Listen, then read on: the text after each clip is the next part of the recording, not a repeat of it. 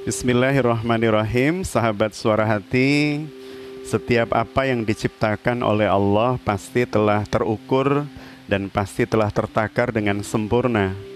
Maka adanya disharmoni dan ketidakseimbangan di alam semesta pastilah bukan buah dari desain Allah, melainkan karena perilaku dan tindakan manusia.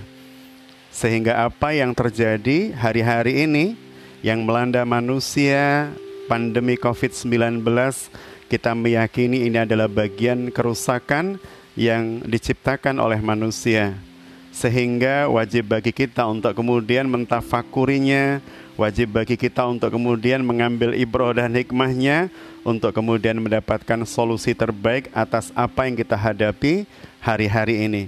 Dan sebaik-baik solusi adalah manakala kita merujukkan keseluruhan muskilah dengan jawaban-jawaban Quran.